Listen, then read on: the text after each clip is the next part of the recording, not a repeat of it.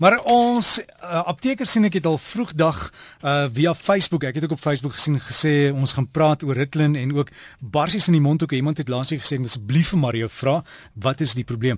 En hier is hy en onthou asseblief as ons gesels oor goed vra jou dokter, jou dokter ken jou en jy kan ook jou apteker gaan raad vra. Mario Botha, hallo Mario. Hallo Derek.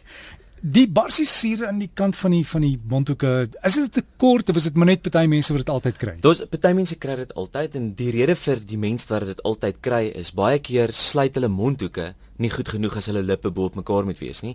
Party mense sin sluit pragtig en dan sal nooit spoeg en speeksel wat dan deursyfer nie. Maar hierdie mondhoekies wat dan oop bly, is dit speeksel wat deursyfer en dan vernietig dit maar die selletjies hier in die hoeke en dit gee dan plek vir 'n bakteriese infeksie wat kan plaasvind. Miskien, miskien 'n virus wat plaasvind daar, maar baie keer is dit dan net die irritasie van hierdie speeksel wat dan hierdie rooi uitslag gee en dit is baie keer so seer. Jy kan nie jou mond oop praat maak nie, jy kan nie lag nie, jy kan nie eet nie, jy kan nie drink nie. Dis regtig sensitief en dit lyk sleg. Maar dit is een van die redes. Die ander ander rede is 'n slegte dieet. As ons nie baie goeie voedingsstowwe inkry nie, dan gebeur dit of nutriënte, mikronutriënte en klein bietjies vitamiene wat ons moet inkry, kry ons nie in nie, dan veroorsaak dit ook hierdie hierdie skeer in die hoekies. Erge warm of koue weer hier in Johannesburg, dis hierdie baie warm weer. Dit veroorsaak baie keer ook dat ons droë lippe kry veral en dan ook hierdie hoekies wat inskeer. Dan allergiese reaksies vir lipstiffies of um, lip balms baie keer wat ons aansit of libellos, iets in daai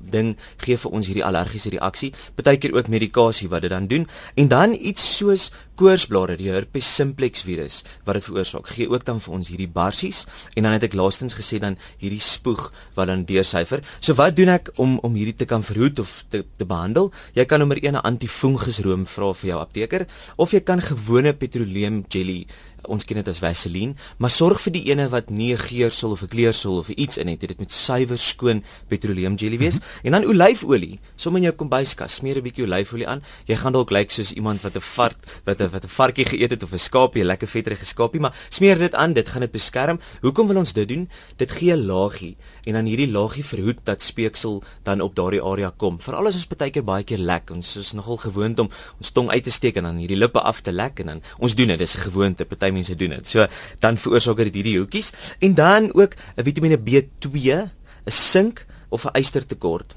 Baie keer sommer al drie van hulle is 'n tekort en dan veroorsaak dit. So sorg dat jy die eet of jy multivitamiin B2, yster of sink het en dan sal ons hierdie barsies weggekry. En laastens drink genoeg water hoe meer ons hierdie lippe hidreer en hoe meer ons ons lyf hidreer, hoe minder sal dit dehidreer en dan sal hierdie barsies nie voorkom nie.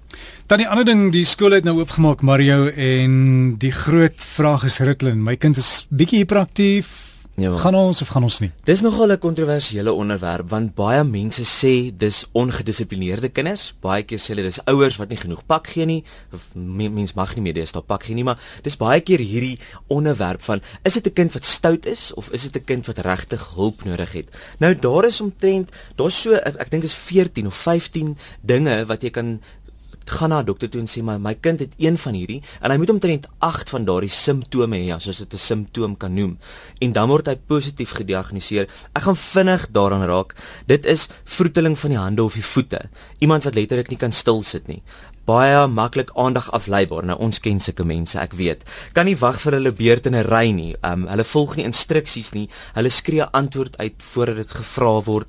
Hulle um hulle aandag word nie by een taak gehou nie, maar wil by 10 verskillende take wees. Hulle kan nie een taak voltooi nie. Hulle wil die hele tyd na iets anders beweeg. Hulle praat baie, hulle val ander in die rede. Hulle luister nie wat gesê word nie. Nou dit is hoekom ons sê dis stoute kinders en dit is nie noodwendig nie. Dit is vergeetachtigheid of hulle doen waaghalsige aktiwiteite en en hulle dink nie oor wat hulle doen of die nagevolg daarvan nie. Nou baie van hierdie redes, jou kind of jou liefling of jou eggenoot moet met 8 van hulle positief gediagnoseer word en dan gaan 'n dokter sê maar Ons dink dit is aandagafleibaarheid hiperaktiwiteitssindroom, soos die Engelse praat van ADHD of ADD. En dan kom ons maak hierdie keuse en ons probeer ons kind op Ritalin of dan die ander naam is Concerta. Dis dieselfde metielfenidaat, dis die aktiewe bestanddeel. Dit word ook bemark onder dit. Kom ons sit ons kind op hierdie ding en daar's 'n rede dat hulle dit doen. En daar's 'n rede dat ehm um, hulle kinders daarop sit. So ons moet kyk dat dat ons kind positief reageer op van hierdie middels en ons dokter gee hierdie sodat ons kind positief moet reageer. So jy moet uitkyk vir dinge soos naait, hiperaktiwiteit of hartklopings en as jou kind hierdie het, dan moet jy weet haal jou kind daarvan af en weet gaan sien jou dokter of doen iets. So en ehm um, ja, so ons moet iets doen. So gaan sien jou dokter en en doen iets daaraan. En uh, ons ons ons gaan nou uh, net Mar Mario se besonderhede gee, Mario Botha se uh, e-pos e-posadres. En as jy wil kontak maak, onthou Mario is ook op Facebook. Ek het daar gaan sit apteker en sit net in Mario Botha dan sê hom kry apteker en Mario Botha. En dan die ander ding met Ritalin, onthou as jy van die die sekere uh goed wat Marie nou oor gepraat het sien by 'n kind maak seker by jou dokter. Maak seker dis nie onnodig nie want dis nie sommer net 'n maklike oplossing nie en dit kan 'n langtermyn ding wees maar asseblief bespreek dit met jou dokter en bespreek dit met jou apteker. En dan net gou Mario se e-pos is mario.m.botha by gmail.com mario.m.botha by gmail.com